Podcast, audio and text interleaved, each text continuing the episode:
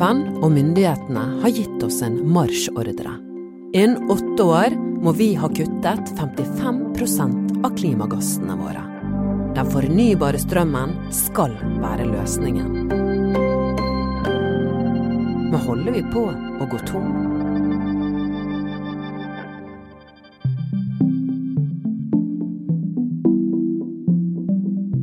Mandag 28. februar kom FN sin sjette hovedrapport om klima.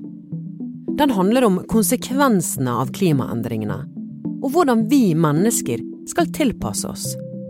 I Norge er målet at vi innen 2030 skal ha nådd klimamålene som ble satt under Parisavtalen i 2015. Gledestårer 12.12.2015, da den historiske Parisavtalen ble vedtatt. For å greie dette må vi kutte mellom 50 og 55% av CO2-utslippene våre. I forrige uke kom nyheten om at Equinor vil elektrifisere Osberg-plattformen i Nordsjøen. Planen for Nye Osberg føyer seg dermed inn i rekka over lignende planer i norsk oljebransje. I dag brenner de gass på oljeplattformene for å produsere strøm. Denne strømmen bruker vi til å pumpe opp olje.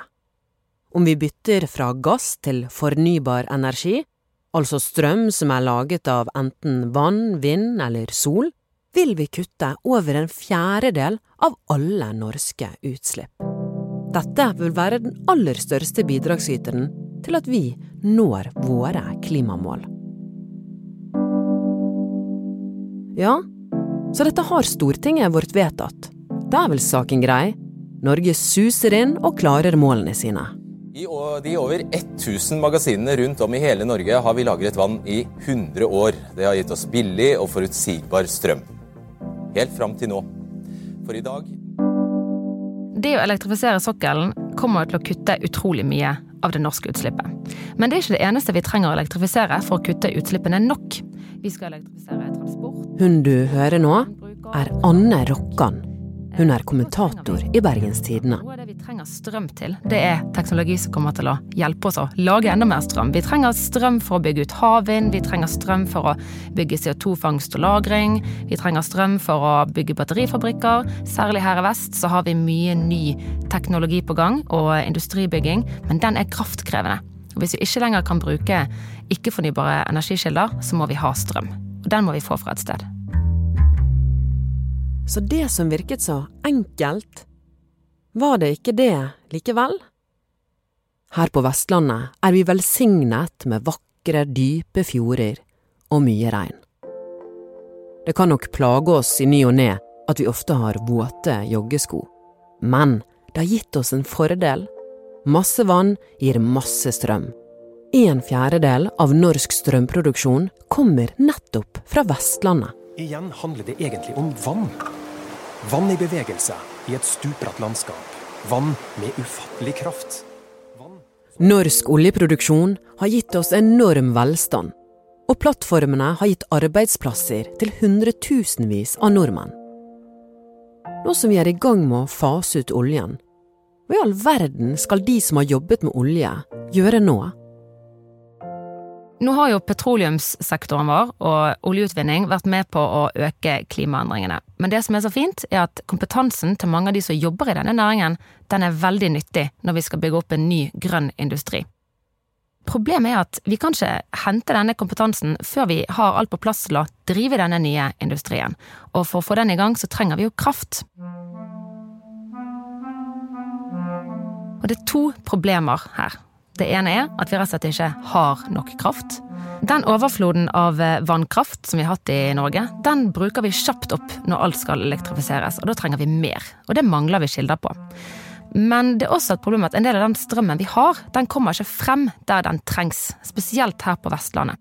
For det som er litt irriterende med energi, med strøm, er at det kan ikke lagres. Og når strømmen skal transporteres fra der den produseres, f.eks. hvis den er produsert i vannkraftverk, så må den brukes øyeblikkelig. Den må rett ut på strømnettet. Men det strømnettet det er litt begrenset. Og når vi har veldig mye kraft som skal gjennom én ledning, så blir det rett og kø. Det er som å ha eh, veldig mye melk som du skal flytte fra A til B. Og så hoper melken seg opp i den ene enden fordi at kanalen er rett og slett for trang. Og så finner ikke vi kjøleskap til denne strømmen, og da blir på en måte melken sur. Da blir strømmen vår dårlig. Og her på Vestlandet så har vi ganske dårlig tilgang på sånn strømnett. Og det er ikke helt ukomplisert å bygge det ut heller.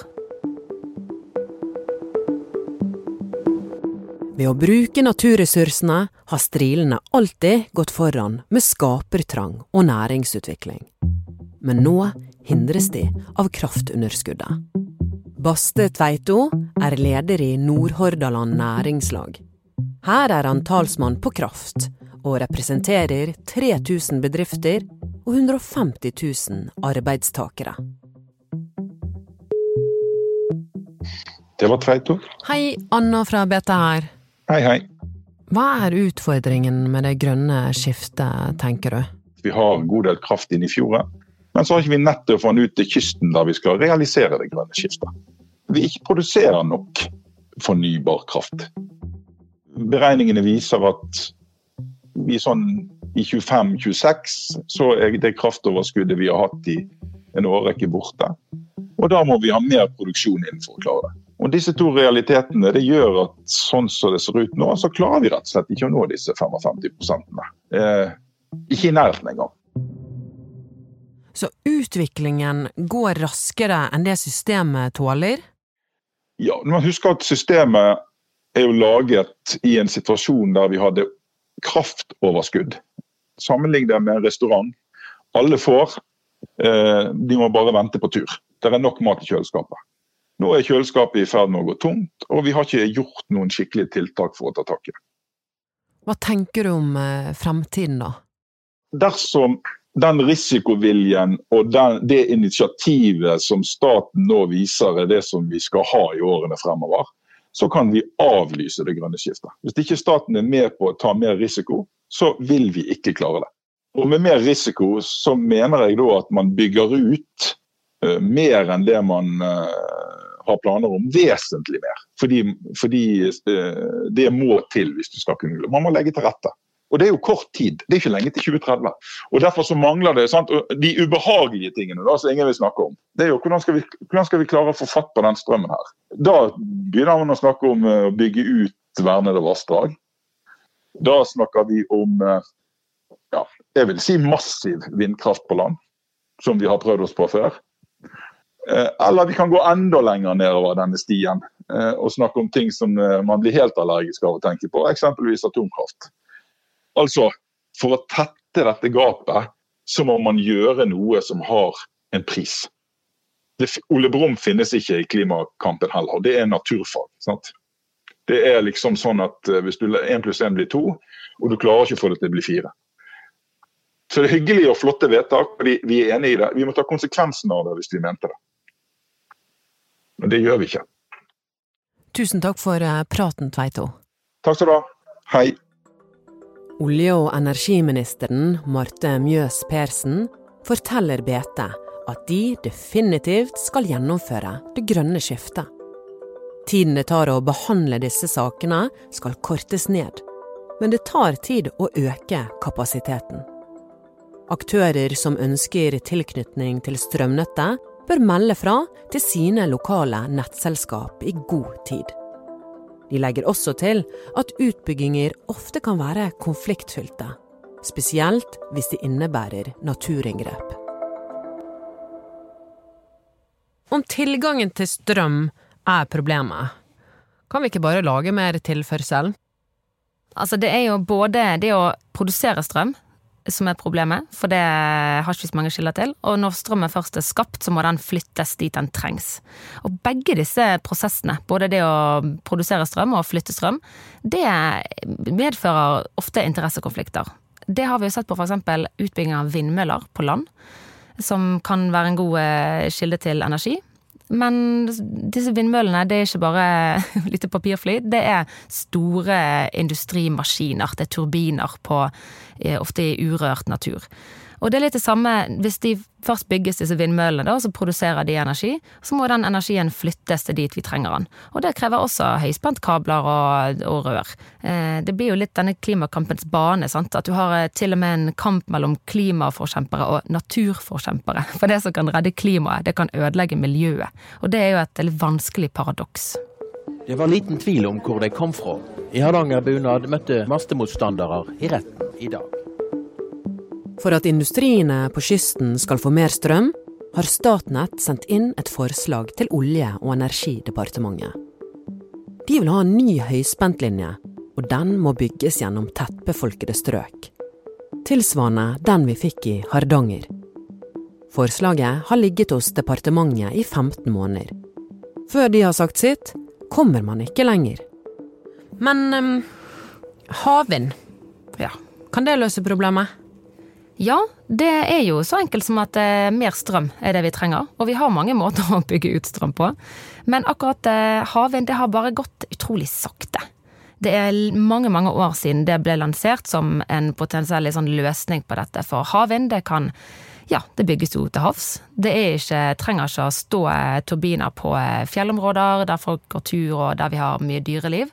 Det kan stå langt ute i Nordsjøen eller eh, Barentshavet eller hvor som helst. Men det er dyrt, og det skal reguleres, og det skal eh, muligens subsidieres. Eh, så når vi først nå har teknologien, så er staten grådig treig. Det er det jo mange som klager på. Men nå har jo de åpnet to felt som skal eh, åpnes for utbygging. Og nå for noen uker siden så lanserte regjeringen endelig sin sånn havvindsatsing. Men de har ennå ikke åpnet for at eh, produsenter av havvindteknologi kan søke seg til disse feltene. Så det er fortsatt et stykke frem i tid da, før vi virkelig ser resultatene av denne satsingen. Men så er jo problemet igjen det at det nytter jo ikke om vi bare dekker det behovet vi har for elektrisitet i dag. For vi skal jo bruke elektrisitet på flere og flere ting og mer og mer industri i fremtiden. Så vi trenger mye mer strøm enn det vi eh, Altså strømforbruket vårt og behovet vårt kommer til å øke drastisk i årene som kommer.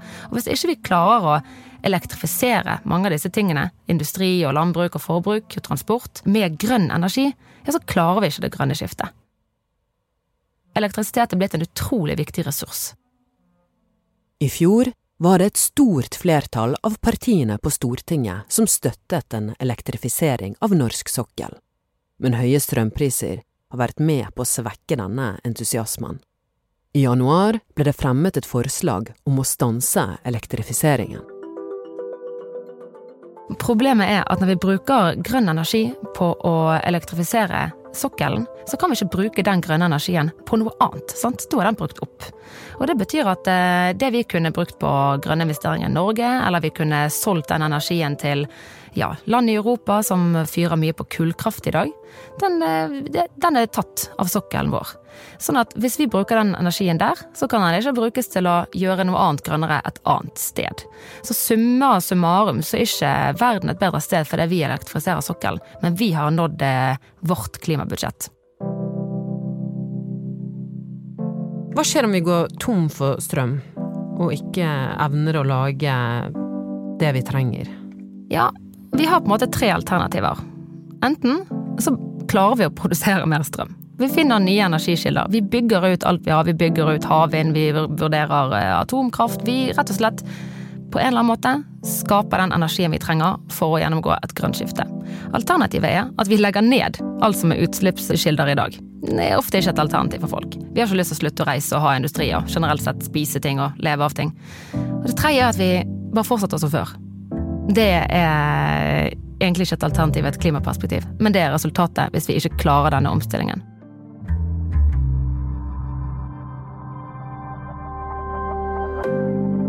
Du har hørt en podkast fra Bergenstidene. Og denne episoden er laget av Helene Alsaker, Anna Offstad, Henrik Svanevik og meg, Anna Magnus.